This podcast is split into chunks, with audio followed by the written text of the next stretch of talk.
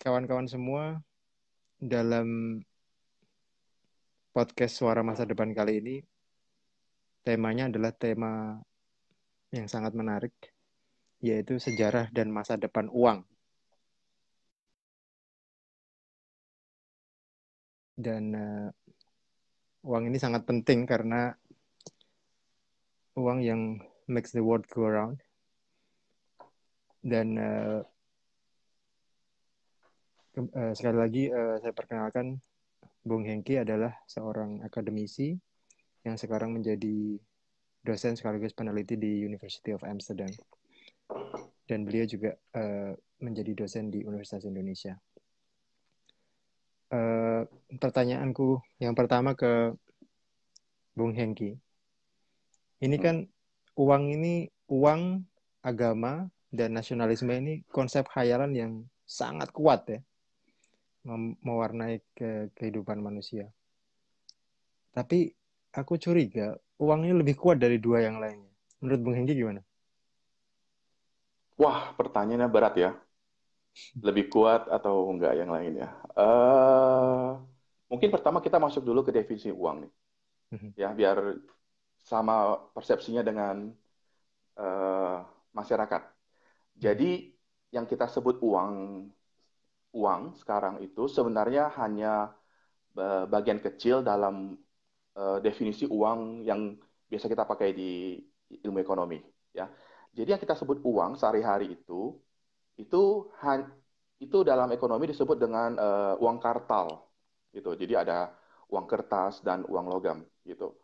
Nah, uang itu kalau kita lihat di neraca Bank Indonesia itu uh, plus dengan uh, reserve dari bank umum di Bank Indonesia itu kita sebut dengan base money. Oke. Okay? Nah, base money ini uh, kalau ditambah dengan cek atau uh, misalnya di Amerika itu ada namanya demand deposit itu uang dalam pengertian sempit jadi M1 ya. Nah, kalau M1 itu ditambah dengan tabungan ditambah dengan uh, time deposit, jadi uh, deposito, itu kita sebut dengan M2. Nah, jadi sebenarnya kalau kita uh, bilang uang di ekonomi, itu yang dimaksud adalah kalau nggak M1 atau M2 gitu. Jadi lebih luas dari uh, definisi uang kita pakai di masyarakat sehari-hari. Jadi misalnya kalau kita lihat data di Bank Indonesia, misalnya saya buka websitenya di sini, per bulan uh, Juli 2020 itu yang kita sebut dengan uang kertas atau logam itu hanya uh, bernilai uh, sekitar 668 uh, triliun ya yang seperti uang itu. Nah, sementara yang kita pakai dalam definisi uang secara umum atau M2-nya itu bernilai 6.500 triliun. Jadi hanya sekitar 10 persen ya dari demisi uang yang kita uh, gunakan dalam ekonomi. Misalnya kalau kita baca berita ya, misalnya uh, jumlah uang beredar meningkat, maka ada ancaman inflasi. Jadi yang maksud dengan jumlah uang beredar meningkat itu, itu adalah M2. Jadi uh, bisa juga M1 ya, bisa juga M1. Nah, kenapa begitu? Karena misalnya begini, uh, kalau kita punya uang kertas sekarang, terus kita taruh di bank, oke? Okay? Jadi uang yang kita uh, taruh di bank itu, itu kan sekarang sebagai tabungan di kita kan ya. Nah, tabungan kita itu, itu juga uang sebenarnya. Nah, terus kemudian kalau sekarang apalagi zaman uh, digital ya, digital uh, apa namanya transaksi sebagian besar digital sejak tahun 80-an. Jadi hampir sebagian besar kita tuh nggak pegang uang dalam artian uang kartal tadi, nggak tidak uh, apa namanya? Kalau kita kerja terus terima gaji, sebagian besar uang kita ditaruh di bank kan. Nah itu juga definisi uang. Jadi mungkin hanya sebagian kecil kita pakai sebagai uh, dalam bentuk cash gitu ya, uh, dalam uang kartal. Oke, sekarang kalau di uh, balik ke pertanyaan tadi, apakah uang lebih berkuasa daripada uh, agama dan uh, tadi apa lagi? Nasionalisme. Nasionalisme.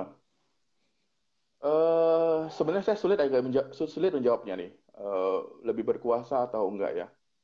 Uh, mungkin kalau kita lihat ke definisi uang ada tiga ya, misalnya fungsi uang. Pertama sebagai alat tukar, kemudian sebagai uh, unit ukur berapa harganya harganya ini berapa kita bisa definisikan uang. Kemudian sebagai uh, salah satu uh, medium untuk menyimpan kekayaan. Nah, kalau kita menggunakan definisi ketiga bahwa uang itu bisa didefinisikan sebagai kekayaan, maka kita bisa bilang bahwa uh, oke okay, sekarang uang itu uh, lebih berkuasa karena punya nilai. Sekali lagi, kalau kita lihat ke uang, itu sebenarnya hanya kertas kan, nilainya cuma uh, paling cuma satu persen dari uh, dari apa namanya nilai uh, nilai yang sebenarnya gitu. Nah, jadi sebenarnya uang itu kertas nggak ada harganya sama sekali, misalnya itu. Tapi karena kita percaya kepada uh, otoritas dalam hal ini bank sentral, maka kita memberikan dia nilai gitu. Nah, jadi kalau sekarang kita punya uang, uh, berarti kita diasumsikan punya kekayaan. Coba sekarang kalau bayangkan, misalnya bank sentral itu uh, bubar gitu ya, negara bubar, maka uang uang yang kita sebut kita pegang itu sekarang tidak ada lagi nilainya gitu.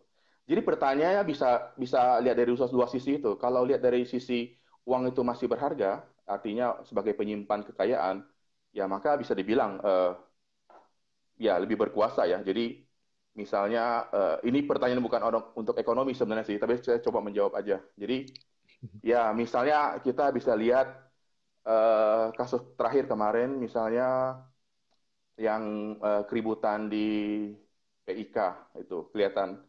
Jadi um, orang yang yang melakukan apa namanya uh, bully terhadap yang naik sepeda itu ujung-ujungnya uh, penyelesaiannya seperti itu. Jadi yang coba bayangkan kalau korban itu bukan orang yang punya banyak uang seperti itu. Jadi ya secara non ekonomi kita bisa lihat bahwa ada ada perbedaan antara kalau kita punya banyak uang dan kita tidak punya uang. Jadi uh, apa namanya uh, power kita berbeda gitu loh. Jadi ya hmm. saya setuju sih kalau ya seperti itu. Iya dan contoh lain misalnya uh, siapa pun orang itu, misalnya bahkan. Osama bin Laden atau ataupun George Bush, dua-duanya sama-sama percaya dolar dan dan ingin mendapatkan dolar. Dan uh, dari negara mana pun dia, dia suka dengan uang dan ingin mendapatkannya gitu. Itu salah satu uh, contohnya saja.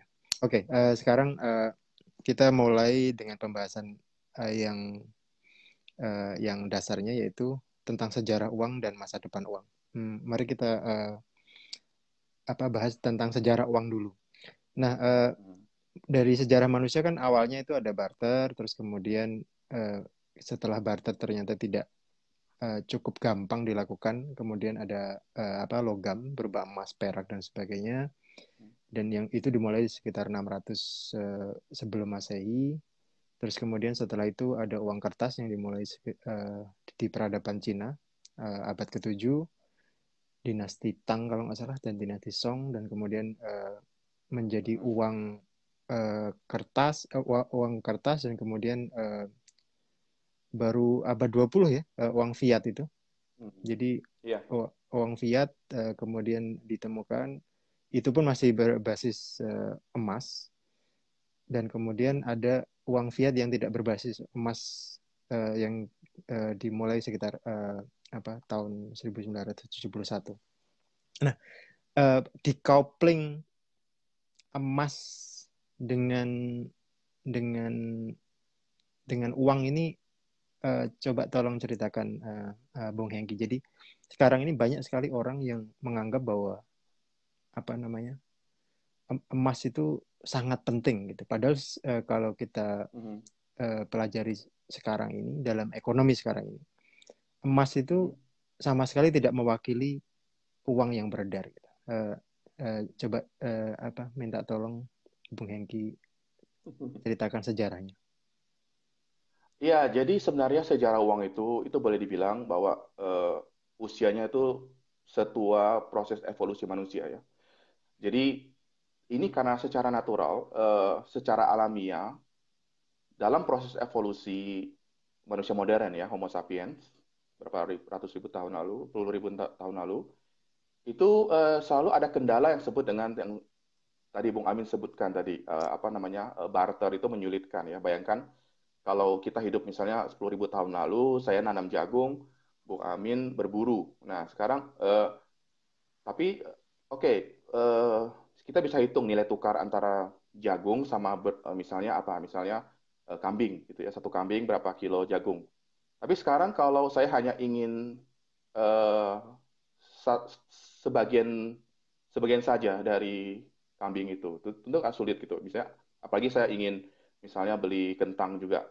Nah, itu gimana nilai tukarnya? Nah, jadi uang itu uh, berevolusi. Jadi misalnya uh, manusia itu selalu mencari cara supaya kehidupannya lebih mudah. Jadi bisa mulai dari uh, kerang. Uh, jadi uang uh, kerang itu pernah jadi bagian dari uang di zaman zaman dulu ya.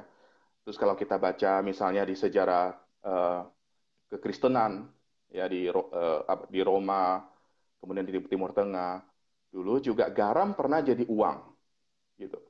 Terus kemudian di Cina uh, emas, perak, kemudian perunggu, kemudian juga di Mesopotamia, uh, di Aztec kalau nggak salah itu juga pernah uh, coklat itu jadi uang, ya kakao itu jadi uang. Jadi terus kemudian masuk ke abad 19, uh, eh, orang mulai mencari barang yang kira-kira lebih tahan lama ya dibandingkan dengan misalnya dengan kerang atau dengan dengan garam atau dengan uh, tadi apalagi cok kakao.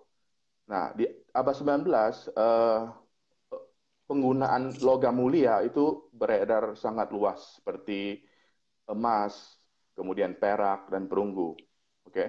Nah, tapi begitu masuk ke abad modern di abad 20 eh, setelah Perang Dunia, eh, kita masih menggunakan oh sebelumnya itu kita sebut dengan eh, uang berbasis komoditas. Jadi uang komoditas. Jadi nilai komoditas itu senilai setara dengan nilai uang. Misalnya kalau emasnya harganya satu juta, maka nilai uangnya satu juta juga. Nah, kemudian masuk ke abad 20 ya setelah Perang Dunia Kedua Eh, negara-negara yang hancur, butuh banyak dana untuk membangun lagi ekonominya. Nah, di saat di saat itu kita ada kesulitan uh, atau kelangkaan dalam uh, menyediakan komoditas itu. Bayangkan misalnya uh, kita butuh transaksi menggunakan uang. Sementara kalau uang itu uh, dalam bentuk emas dan jumlahnya terbatas, nah gimana uh, solusinya?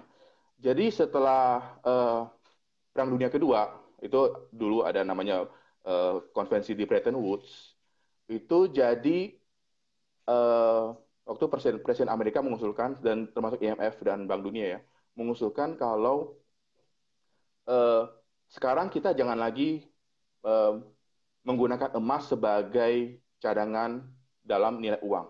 Kita lepaskan aja. Jadi kita uh, bikin satu sistem yang kemudian disebut dengan uang fiat atau fiat money. Itu adalah uang yang hanya didasarkan atas kepercayaan uh, suatu otoritas ya bank sentral gitu. Nah, jadi uang fiat yang kita pakai sampai hari ini itu adalah uh, perkembangan dari evolusi yang sangat panjang sekali yang saya sebutkan tadi.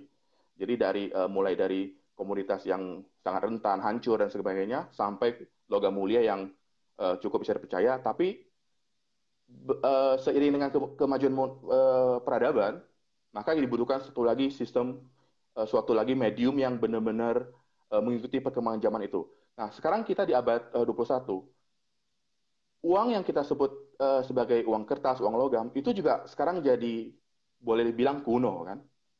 Ya, seperti saya sebut tadi, sebagian besar kita tidak pegang uang kertas dan logam lagi yang karena transaksi digital perbankan makin maju, kemudian muncul konsep uang baru, tabungan, cek. Kemudian eh, apa namanya? deposito berjangka itu jadi uang juga.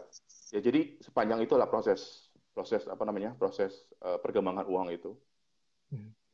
Uh, dan ini kalau uh, kaitannya dengan geopolitik dunia, uang itu adalah alat untuk hegemoni juga ya. Jadi ketika uh, Amerika termasuk yang menang perang ketika perang dunia kedua, dia mm-hmm. set the term untuk ke keuangan dunia setelah itu dengan uh, apa namanya memberikan uh, dolar sebagai mata uang dunia gitu. Dan sebagai akibatnya Amerika itu enak banget di saat negara lain kalau ngeprint uang bisa hancur kayak Zimbabwe dan Venezuela. Amerika ngeprint uang hampir seenaknya dia tidak kena inflasi gitu. Uh, ini ini ini yang juga banyak orang bingung gitu. Jadi uh, bagi para penganut uh, modern mon uh, monetary theory, mereka uh, bilang bahwa ya nggak apa-apa negara tinggal print uang gitu. Padahal tidak semua negara punya uh, privilege seperti itu. Uh, bisa dijelaskan, uh, Bung Hengki, tentang hal itu? Uh, ya sebenarnya itu kan kecelakaan juga seperti penggunaan bahasa Inggris jadi bahasa internasional ya. Itu kan juga hmm. kecelakaan sejarah ya. Jadi uh, karena tidak ada otoritas yang bisa menentukan siap apa ya bahasa apa yang digunakan, kemudian uang apa yang digunakan. Jadi ya setelah Perang Dunia Kedua waktu itu uh, dan kenapa juga pertanyaan kenapa nggak Inggris waktu cukup kuat ya waktu Perang Dunia satu dan dua, tapi kenapa Amerika ya karena setelah Perang Dunia Kedua selesai uh, Amerika itu memang lebih kuat, jadi punya hegemoni untuk menggunakan US dollar. Nah sekarang kalau jadi uh, pernyataan bahwa nggak ada ancaman inflasi dari uh, percetakan uang di Amerika itu tidak benar juga. Jadi sebenarnya Amerika juga akan mengalami ancaman inflasi kalau terlalu banyak mencetak uang. Cuma masalahnya adalah rate dari ancaman probabilitas dia mengalami inflasi itu lebih kecil daripada uh, apa namanya negara lain yang mencetak uang gitu. Nah, sebenarnya semua negara mencetak uang kok karena seperti mencetak uang itu pengertian bukan ya selain mencetak uang, bukan pengertian bukan mencetak uang kertas kemudian di print kemudian dicetak ya. Jadi uh, pengertian uang juga. uang di, uang dicetak itu adalah uh, munculnya nilai uang di dalam perekonomian gitu. Di mana di dalam itu juga terdapat uang kertas, uang uang apa namanya, uang uh, logam, kemudian tabungan. Nanti kita bisa saya bisa jelaskan uh, bagaimana proses pencetakan uang. Nah, jadi semua negara itu yang punya otoritas uh, yang bisa menjamin bahwa mata uang mereka itu bisa digunakan. Jadi sekali lagi sangat kita bisa lihat sistem uang ini sangat rapuh ya. Jadi uang yang kita gunakan sekarang ya uh, itu kita hanya percaya bahwa ada suatu entitas yang namanya bank sentral yang bisa menjamin bahwa kertas ini punya nilai. Ya. Nah, kalau bayangkan kalau misalnya tiba-tiba negara X itu bubar, maka uang kertas itu hanya jadi sampah, ya kan? Nggak ada nilai sama sekali. Jadi kita masyarakat itu per, memberikan uh, memberikan nilai kepada uang kertas yang dicetak oleh bank sentral itu. Nah, proses mencetak uang itu itu uh, di banyak negara itu bagian dari satu kebijakan ya yang disebut sebagai kebijakan moneter. Nah, cuma kebijakan moneter itu itu harus hati-hati karena uh, ada teori teori ekonomi mengatakan bahwa kalau uang jumlah uang beredar itu terlalu banyak, itu akan mendorong kenaikan harga, gitu. Kira-kira seperti itu. Oke. Okay. Uh, eh, terus ini uh, kaitannya sama uh, apa perkembangan-perkembangan terakhir, misalnya di mana uh, di Cina orang itu sudah jarang banget menggunakan cash, jadi semuanya menggunakan WeChat Pay dan juga Alipay. Nah, uh, menurut Bung Hengki, ini perkembangannya menakutkan atau justru uh, apa namanya membanggakan karena kalau kita ambil dari sisi privacy misalnya, kalau kita membayar semua pakai uang ini apa uang digital, itu kan data kita semua di, diketahui oleh oleh korporat dan sekaligus oleh pemerintah. Eh, menurut uh, Bung Heki gimana? Ya, jadi masalah yang kita alami sekarang itu tidak beda jauh dengan masalah yang kita alami seribu tahun lalu misalnya. Jadi tidak ada benar-benar uh, satu medium yang sangat paling aman yang kita bisa jadikan sebagai uang. Jadi kalau kita hidup di zaman Roma, uh, zaman zaman uh, awal-awal kekristenan, kita menggunakan misalnya uh, garam sebagai uang, gitu ya. Nah, garam itu kan juga terancam bisa hancur kena air dan segala macam. Nah, sekarang bentuk uang itu bertransformasi sangat cepat, terutama di tahun sejak tahun 80-an. Itu kita nggak kebayang kalau eh, misalnya sebelum bayangkan aja sebelum eh, zaman digitalisasi uh, transaksi keuangan ya. Sebelum bank kita bisa menabung uang, bisa menabung uang di bank, kemudian didapatkan buku tabungan. Nggak akan kebayang kalau uh, kita percayakan uang kita taruh satu institusi di bank, kemudian mereka hanya menerbitkan tabungan, buku gitu ya. Dan buku itu ada nilainya sebenarnya kan. Nah, itu juga sebenarnya udah transformasi dari uang yang kita pegang sehari dari uang kertas, uang logam menjadi suatu bentuk yang uh, di cloud di di di komputernya uh, bank dan kita bisa tarik setiap saat dari ATM misalnya seperti itu. Nah, uh, proses evolusi berlanjut, dunia makin modern, uh, kemudian kegiatan ekonomi makin kompleks, maka seperti saya sebutkan tadi, manusia selalu mencari suatu alat yang mengikuti perkembangan zamannya, gitu. Nah, jadi perkembangan uang jadi tabungan, kemudian jadi uang digital, sampai sekarang uh, mungkin uh, muncul uang kripto dan sebagainya. Itu adalah proses yang suatu keniscayaan gitu. Jadi ya sekali lagi kita percaya bahwa ada institusi yang menjamin apa namanya bahwa suatu nilai satu uh, nilai uang apakah itu digital apakah itu secara fisik itu berharga itu punya harga punya nilai gitu. jadi ya mau tidak mau kita harus menerima uh, kenyataan ini gitu ya. Jadi ya cuma cuma satu yang bisa um, masyarakat apa namanya uh, satu uh, bangsa untuk uh, memastikan bahwa sistem itu bisa dipercaya, punya kredibilitas gitu. Uh, ya kita bisa dipertanggungjawabkan. Cuma itu aja sebenarnya. Gitu. Hmm. Oke. Okay. Terus uh, kita berlanjut ke ke kredit nih, Bung ya. Jadi uh, banyak orang uh, salah mengira bahwa uh, apa namanya uh, dunia ini bisa dijalankan tanpa kredit atau tanpa riba. Mm -hmm. Padahal kan uh, kalau kita ketahui di kenyataannya hampir semua uh, apa namanya uh, aktivitas ekonomi ini banyak kaitannya dengan dengan kredit dan atau riba itu sendiri. Salah satunya adalah bank itu sendiri.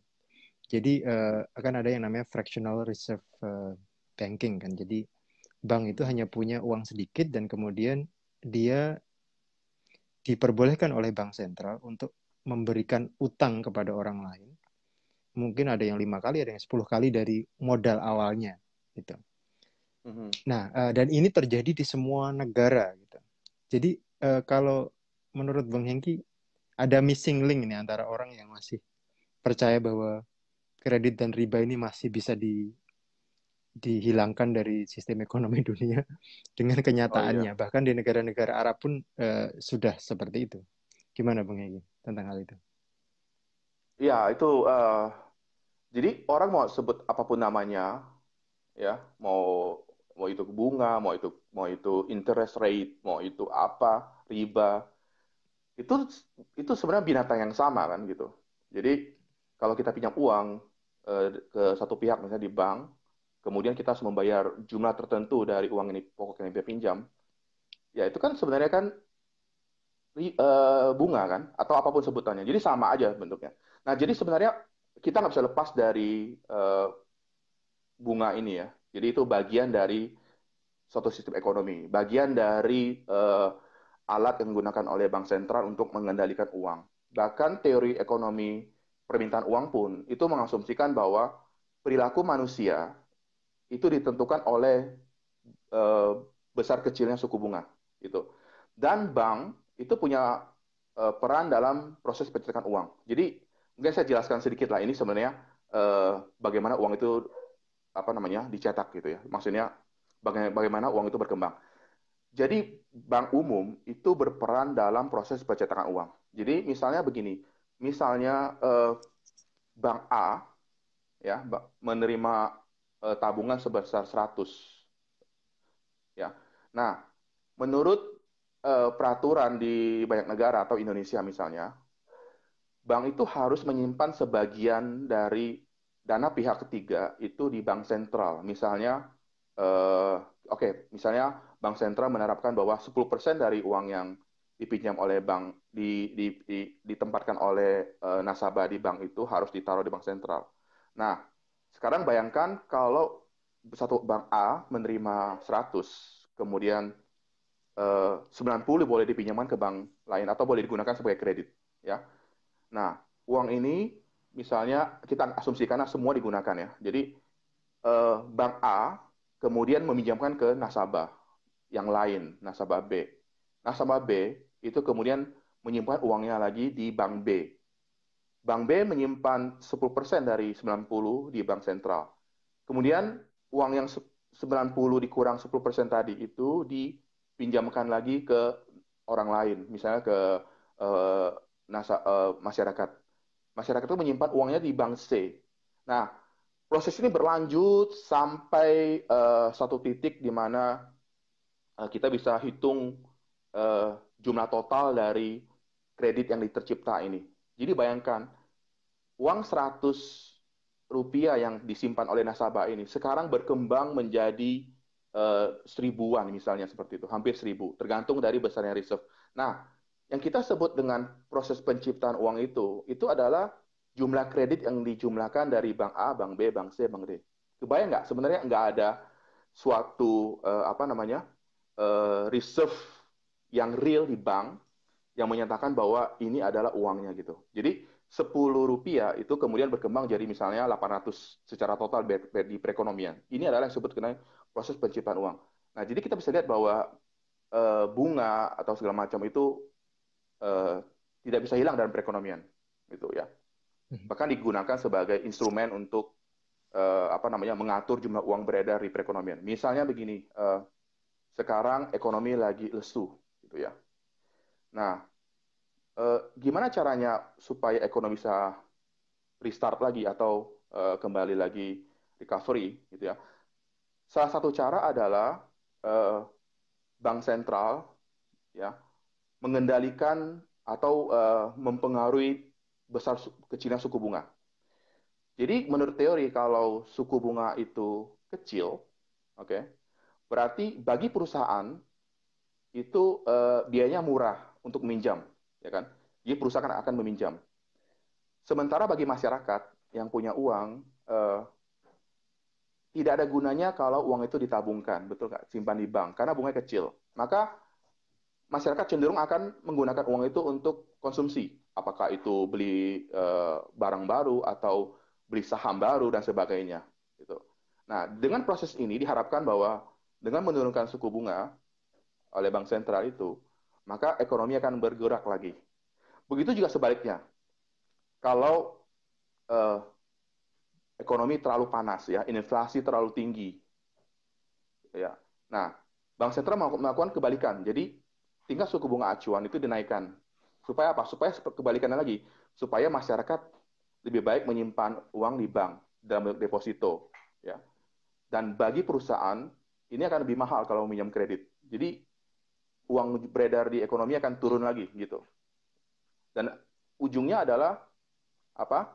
Aktivitas ekonomi menurun, eh, dan kita tahu bahwa aktivitas ekonomi dan inflasi dan tingkat harga itu berkebalikan. Jadi kalau aktivitas ekonomi menurun, maka harga akan turun, inflasi akan akan turun juga. Kira-kira seperti itu. Jadi sulit sekali saya ngebayangkan uh, hidup tanpa uang. Bahkan kita misalnya melakukan uh, membuat suatu komunitas, kemudian kita menolak bunga, menolak konsep bunga di komunitas kita, itu juga nggak bisa lepas dari uh, bunga yang dilakukan oleh bank sentral itu. Kira-kira seperti hmm. itu. Jadi kecuali kita tinggal di suatu pulau terpencil, hanya beberapa orang, kemudian kita tidak menggunakan uang, ya itu mungkin bisa ya. Tapi kalau hidup dalam uh, apa namanya, dalam dunia yang kompleks ini sama sekali nggak bisa dilepas, nggak bisa lepas dari dari bunga atau apalah sebutannya. Kira-kira seperti itu. Iya. Dan itu kan dari sejarahnya juga agak lucu ya. Jadi di Venesia waktu itu uh, ada berbagai agama yang uh, yang ada di uh, ada Yahudi, ada Islam, ada Kristen. Nah, uh, orang Islam itu kan dilarang membungakan uang. Terus kemudian orang Kristen juga dilarang membungakan uang. Nah, orang Yahudi sebenarnya juga dilarang membungakan uang, tapi hanya kepada orang Yahudi, tapi kepada orang non Yahudi dia boleh membungakan uang. Nah, akhirnya di Venesia itu orang Yahudi lah yang uh, akhirnya menguasai perbankan dan akhirnya dari abad sekitar abad 15 16 sampai abad 20-an uh, apa keluarga-keluarga Yahudi uh, misalnya Rothschild itu yang apa namanya yang menguasai uh, keuangan Eropa waktu itu. Jadi sebenarnya ini bukan salahnya orang Yahudi ketika mereka uh, menguasai dunia keuangan waktu itu itu karena kesalahan orang Islam dan orang Kristen sendiri yang tidak mau membungahkan uang. Gitu. Ya. Oke, okay, uh, uh, kita beranjak dari sejarah dan kemudian kita akan uh, menuju ke masa depan uang. Nah, sekarang ini uh, dari tahun 98 uh, konsep uh, uh, uang digital yang yang yang yang decentralized cryptocurrency itu sudah mulai ada dan kemudian tahun 2008 ada yang namanya Bitcoin. Kalau menurut Bung Hengki, masa depan uang seperti Bitcoin, Ethereum ini cerah atau justru malah tidak cerah? Oke, uh, sekarang saya juga dari pertanyaan itu saya membayangkan juga kita dalam proses evolusi ya. Hmm. Jadi, uh, jadi kita benar-benar nggak tahu bentuk uang di masa depan seperti apa. Jadi, tapi kita bisa memprediksi kira-kira akan seperti apa Nah, sekarang udah pasti uh, pertama perkembangan uang itu berkorelasi tinggi dengan uh, peradaban, dengan kemajuan teknologi dan sebagainya, gitu. Nah, sekarang uh, di zaman yang sangat canggih dengan superkomputer, dengan dat data penyimpanan yang sangat besar yang bertera-tera dan segala macam. Jadi kemungkinan besar uang yang uh, dalam pengertian tradisional, yang uang kertas atau komoditas, itu akan hilang, digantikan dengan uang digital. Dan kita sekarang dalam masa transisi, gitu. Dan dalam transisi evolusi uang yang dari uang komoditas menuju uang digital. Jadi, ya itu itu adalah suatu kenyataan dari masyarakat. Jadi itu ada preferensi dari masyarakat, misalnya di Cina atau di bahkan bukan di Cina saja di Indonesia dan di negara mana pun. Itu preferensi untuk memegang uang dalam bentuk uh, apa namanya uang kertas uang logam itu hampir hilang. Dan juga uang dalam bentuk uh, bentuk lain cek uh, travel check atau uh, uang demand deposit itu juga makin berkurang. Gitu ya dan perlahan-lahan itu digantikan oleh uang uh, digital ya. E-money misalnya electronic money dan sebagainya. Jadi kalau menurut saya di masa depan kemungkinan besar uh, kita nggak tidak lagi menggunakan uh, uang dalam pengertian modern sekarang pun, uh, maksudnya travel check, uh, tabungan, uh, currency Credit dan sebagainya akan digantikan oleh satu uang yang uh, mengikuti perkembangan zaman. Nah, cuma saya belum bisa membayangkan kira-kira uh, bentuknya seperti apa, jadi binatangnya seperti apa, gitu. Jadi hmm. karena proses evolusi itu kan ada natural selection, ya preferensi natural selection dari preferensi masyarakat dan juga ada bentuk sistem pemerintah di masa depan. Jadi bisa aja mungkin dalam beberapa puluh tahun ke depan itu eh, proses penggabungan mata uang itu kemudian bertransformasi kepada satu uang eh, tunggal di bumi misalnya gitu. Kita bisa lihat sekarang Eropa dulu nggak kebayang ada gulden, ada lira, ada macam-macam. Kemudian membentuk uh, euro sekarang di di kawasan Asia juga ada uh, apa rumor-rumor mau membentuk uang ASEAN. Nah, nanti bisa aja beberapa puluh tahun dari sekarang, atau seratus tahun dari sekarang, seribu tahun dari sekarang, itu kemudian dia kita merasa buat apa kita punya uang kawasan lagi? Kenapa nggak euro gabung dengan uh, misalnya uang Amerika, kawasan Amerika jadi uang apa gitu? Nah, kemudian akan berkonvergensi menjadi satu mata uang tunggal, kira-kira seperti itu. Nah, bahkan sistem uang uh, yang kita definisikan seperti sekarang dengan jaminan dari bank sentral itu bukan akan hilang juga ya. Misalnya dengan sistem blockchain di mana tidak ada lagi uh, otoritas yang menjamin bahwa uang ini bisa digunakan, tapi otoritas itu ada di masing-masing pengguna. Jadi di desentralis desentralisasi ke ke masyarakat gitu. Jadi bukan kalau sekarang kan sentralisasi. Uang kita gunakan itu dijamin oleh bank sentral, disentralisasi dengan otoritasnya ya bisa ke depan itu adalah uang yang tidak butuh otoritas lagi. Kira-kira seperti itu. Jadi kalau misalnya kita masih bisa hidup seribu tahun dari sekarang, mungkin uh, kita bisa lihat evolusi uang itu ke arah sana. Ya, sekarang kan uh, kandidatnya ada uh, ada blockchain uh, cryptocurrency yang sekarang mungkin gabungan dari Bitcoin. dari Bitcoin terus Ethereum dan sebagai XRP itu uh, sekitar 300 billion dolar ya 300 miliar dolar. Hmm. terus kemudian nah ini ada ada juga uang yang cukup menarik. Jadi ketika ada brand computer interface uh, di masa mendatang jadi manusia bisa hidup di alam virtual yang seolah-olah real. Itu uh, misalnya di pro, di program namanya uh, Second Life itu di mana orang bisa membangun kota di situ membangun uh, uh, peradaban baru di situ terus kemudian berinteraksi dengan manusia di situ itu mereka juga punya uang sendiri namanya Linden Dollar. Nah uh, ini di masa mendatang juga akan menjadi negara-negara baru gitu. Jadi uh, semacam perkumpulan manusia yang mem uh, membuat atau perkumpulan kesadaran manusia yang membuat mata uang sendiri. Uh, jadi uh, ada ada beberapa alternatif uh, uang di masa mendatang yang yang yang kira-kira akan akan akan bisa hmm ini. Tapi kalau menurut Bung Hengki ada nggak kemungkinan kalau uang itu suatu saat tidak digunakan lagi ketika misalnya manusia sudah sudah begitu advance-nya sehingga konsep pertukaran itu sudah tidak ada lagi. Atau iya. menurut Bung Hengki pertukaran itu akan selalu ada? Uh, Oke, okay. jadi konsep nilai tukar itu selalu ada. Jadi bahkan kalau kita belajar ekonomi dari paling dasar pun, itu kita nggak ngomongin uang dulu. Jadi uh, misalnya kita ngomongin tentang teori konsumen, bagaimana konsumen memilih barang A, barang B, barang C. Itu nilai tukar itu adalah nilai tukar antar barang. Misalnya uh, satu pizza itu berapa Coca-Cola gitu. Kemudian kalau Coca-Colanya makin langka, maka harga tukar antara pizza dan Coca-Cola itu berubah gitu. Nah, itu akan selalu ada. Nah, Cuma ada masalah tadi uh, coincidence dari barter. Jadi kita butuh alat tukar. Nah sekarang di masa depan itu emang trajektorinya itu uh, masih belum kelihatan ya. Jadi teknologi kita belum terlalu canggih. Jadi kalau bayangan saya masa depan itu kalau teknologi sangat canggih ya dengan superkomputer misalnya uh, download data satu detik udah beribu-ribu tera itu itu memungkinkan kita untuk memiliki account sendiri. Jadi misalnya gini, uh, saya bekerja, saya dapat uang seribu nilai apa apa pun nilai tukarnya ya seribu. Nah setiap transaksi beli apa pun juga itu akan otomatis ambil dari seribu saya. Kira-kira seperti itu. Jadi bukan uang misalnya saya punya seribu rupiah lagi, kemudian uh, uang negara lain ada berapa dolar, kemudian berapa nilai tukarnya, tapi langsung ngambil dari uh, seribu saya. Itu dimungkinkan hanya kalau asumsinya semua orang itu punya akses teknologi secanggih itu, dan uh, ada satu cloud system yang sangat canggih, sangat besar, bisa menyimpan data seluruh manusia di bumi ini. Itu kalau itu bisa sangat mungkin terjadi.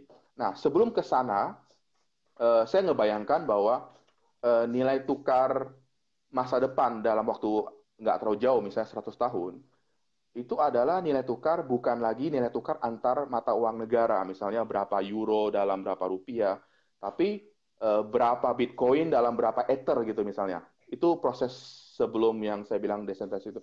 Nah, kita kalau kita lihat juga dari uh, apa namanya sifat alamiah dari Bitcoin itu kan juga terbatas ya. Jadi seperti emas, jadi Bitcoin pun walaupun bisa diciptakan itu ada batas ya kalau nggak salah berapa nilainya Bitcoin gitu. Jadi bukan tak terbatas gitu.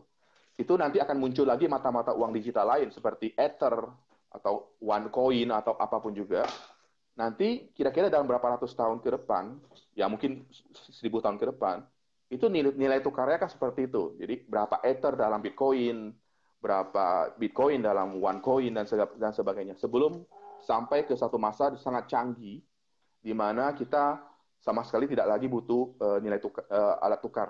Tapi nilai tukar tetap ada konsepnya, seperti itu kira-kira.